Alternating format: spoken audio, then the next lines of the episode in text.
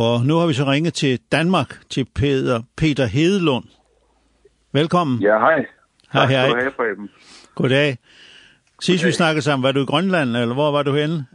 Jeg tror det.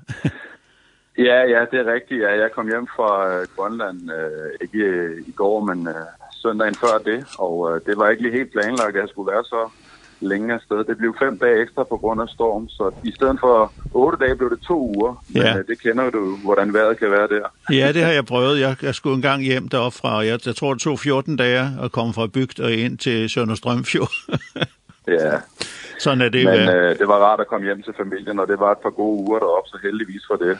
Hvad var din opgave deroppe? Det var en kombineret tur. Øh, jeg skulle øh, have en konsulentopgave i en kirke, og øh, hjælpe til der øh, i forhold til noget ledelse ja. og øh, tale og undervise. Og så skulle jeg også øh, øh, promote MAF, øh, som jeg jo arbejder for her i Danmark. Ja, og det, det, det, det har vi også her på færgerne, og vi har også diverse sådan nogle jingler, som det kaldes, kørende om at støtte arbejde med MAF. Det kan vi komme tilbage til.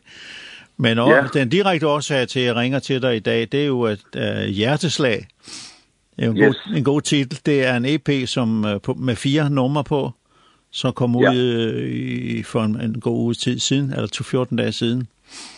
Ja. Øh, og du er, det, du er jo sanger også, og, skri, ja. og skriver ja, ja. musik. ja. Selvom det er mange år siden, du gjorde det, øh, ja, så, så, så er det gået i gang. Hvad får dig til at komme igen med sådan noget der? Ja, men det har jo... Øh været noget, jeg gjorde meget i min ungdom. Jeg er jo vokset op i et hjem med klaver øh, og har fået musikken med mig. Min mor og far har sunget og spillet rigtig meget. Og øh, da jeg var et ung menneske, eller yngre end jeg er nu, jeg synes jo selv, jeg er meget ung stadig, selvom jeg er 48, så, så blev det til rigtig meget omkring øh, at lave lovsang og have band og være ude og spille, øh, både herhjemme i Danmark og nogle gange i udlandet.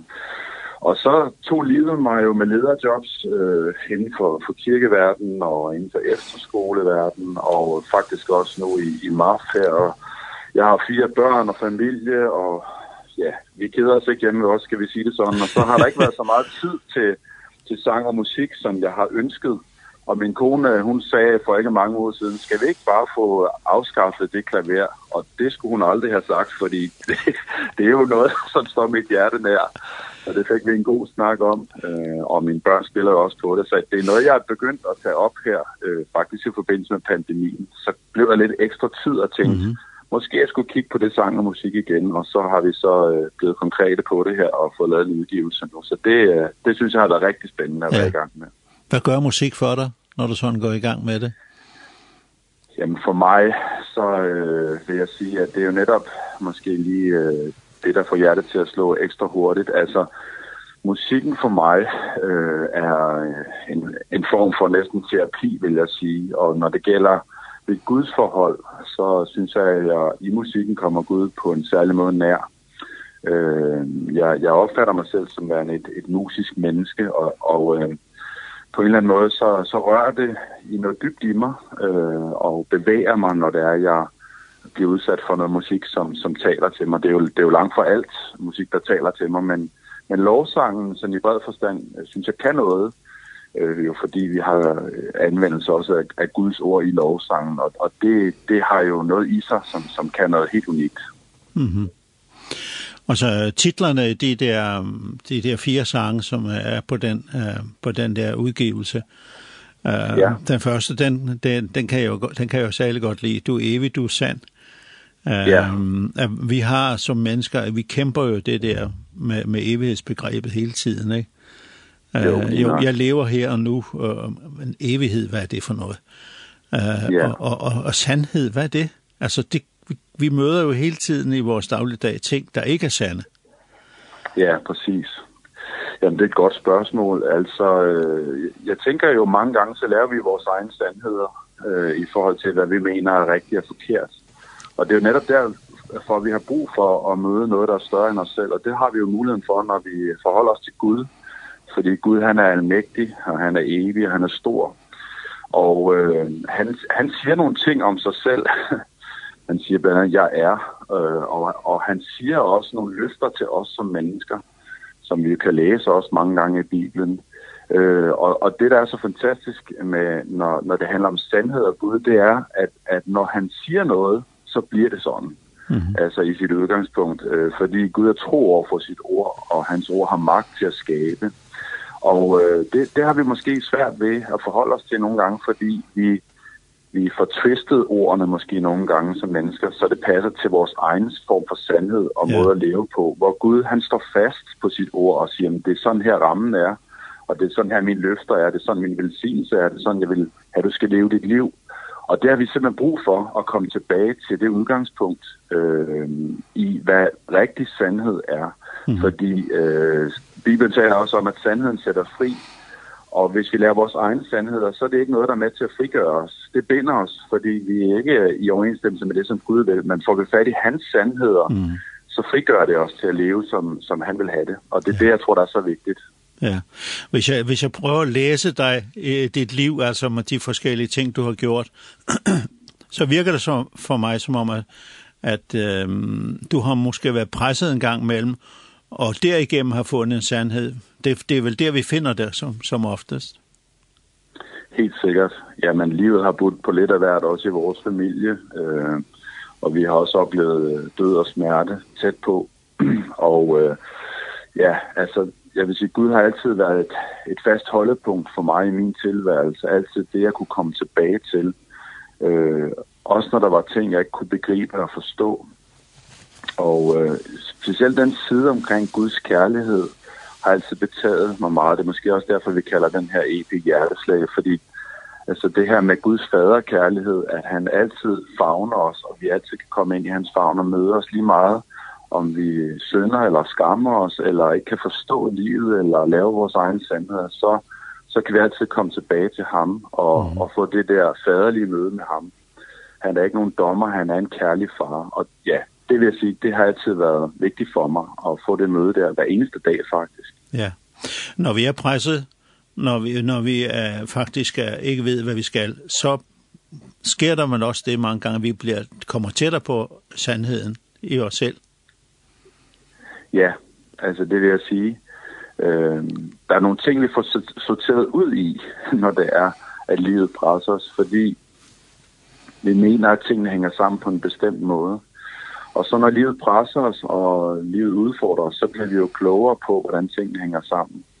Og øh, det, det, det er derfor jo også livsvisdom. Altså, det er som oftest noget, der kommer med alderen. Og hvorfor det? Jamen, det er fordi, når vi, når vi er unge, så tænker vi jo kun med få nuancer på livet, fordi vi mener lige ved, det, vi ved hvordan tingene hænger sammen. Mm -hmm. Og så livet lærer os så nogle lektier hen ad vejen om, at der er også noget mere til det, Og, og derudaf, så, øh, så kommer der meget sandhed, som gør os klogere ja. på, hvordan tilværelsen hænger sammen.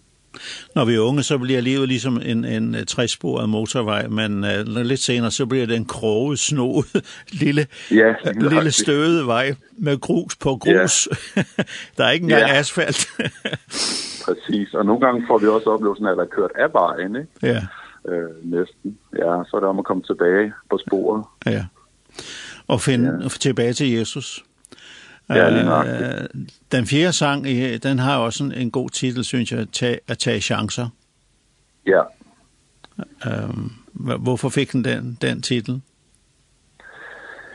Jamen, øh, det fik den, fordi øh, man kan sige, livet med Gud, det handler jo om tro og tillid.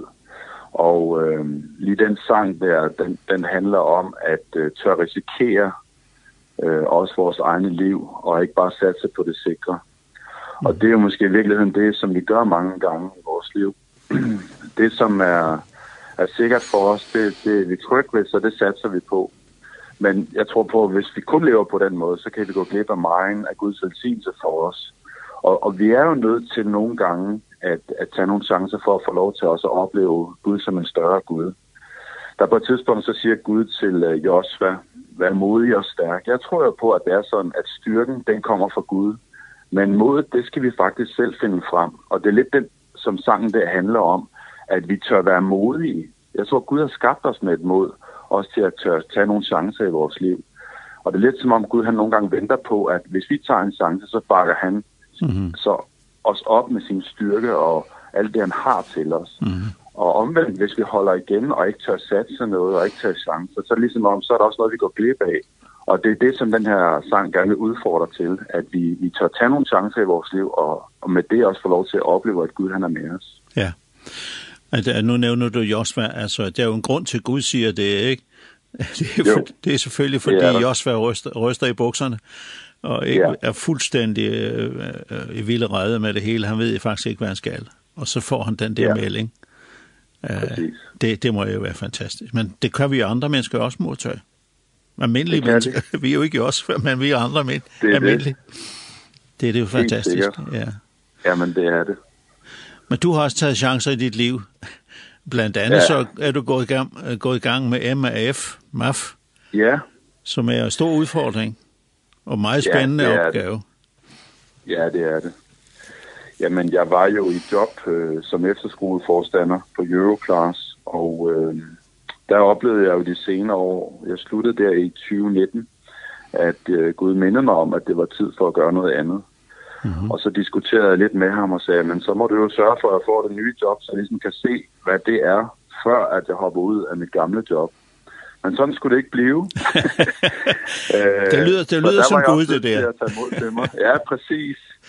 Og øh, det blev faktisk sådan, at øh, Gud minder mig om at tage en chance også der. Så øh, jeg tog en sommer og kiggede min kone dybt i øjnene. Det gør jeg en gang imellem. Det er jo det, vi skal gøre også, ikke? Jo. Og så jo. sagde jeg, ved du hvad, Sara hedder min kone. Jeg tror, det er tid for, at øh, vi giver op på det, vi har gang i, fordi Gud har noget nyt for os. Og øh, det snakkede vi selvfølgelig om. Det var der stor risiko forbundet med os, fordi vi har fire børn, og vi skal jo sørge for at få brød på bordet og det hele. Men vi vidste bare, det var det rigtige. Og så skete der faktisk det forunderlige, at på min aller sidste missionsrejse med Jødeklar, som var sådan rejsen efter skole, det var der, lige før sommerferien, at jeg landede en aftale om at blive generalsekretær i Mars Danmark, og det var så med start til august. Mm. Og det var meget lærerigt for mig at få lov til at opleve, hvordan Gud var med i det her. Øh, ja, så ja, det er, det er et stærkt vidnesbyrd i grunden, bare et blandt mange om, hvordan jeg har fået lov at opleve også Gud være med. Ja, yeah. Og dem, der startede MAF, det var også nogen, der tog nogle chancer. Det må man godt nok sige. Ja, det må man sige. Der, efter 2. verdenskrig pludselig begyndte at flyve helt vildt et eller andet sted ude i junglerne. Ja, ja lige det. Ja. Lige nok Det, Men...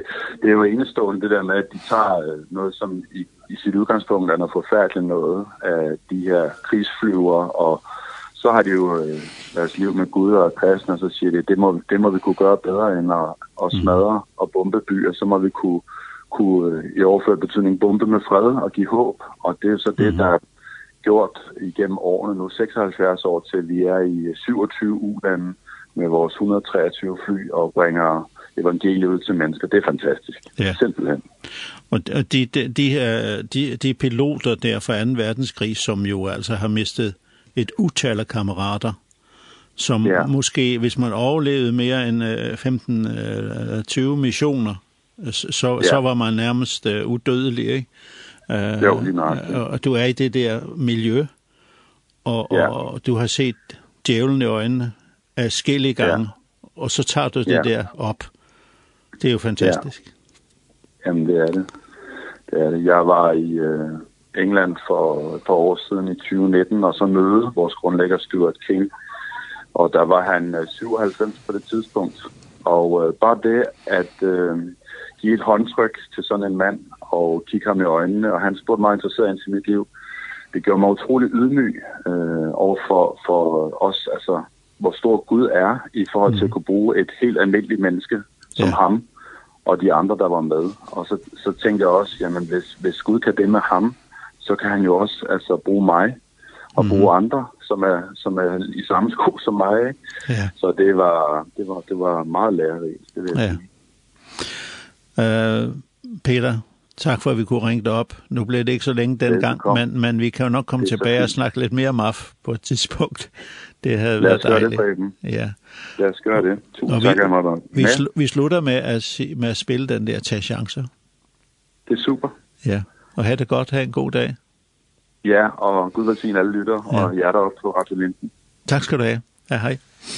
Hej, hej.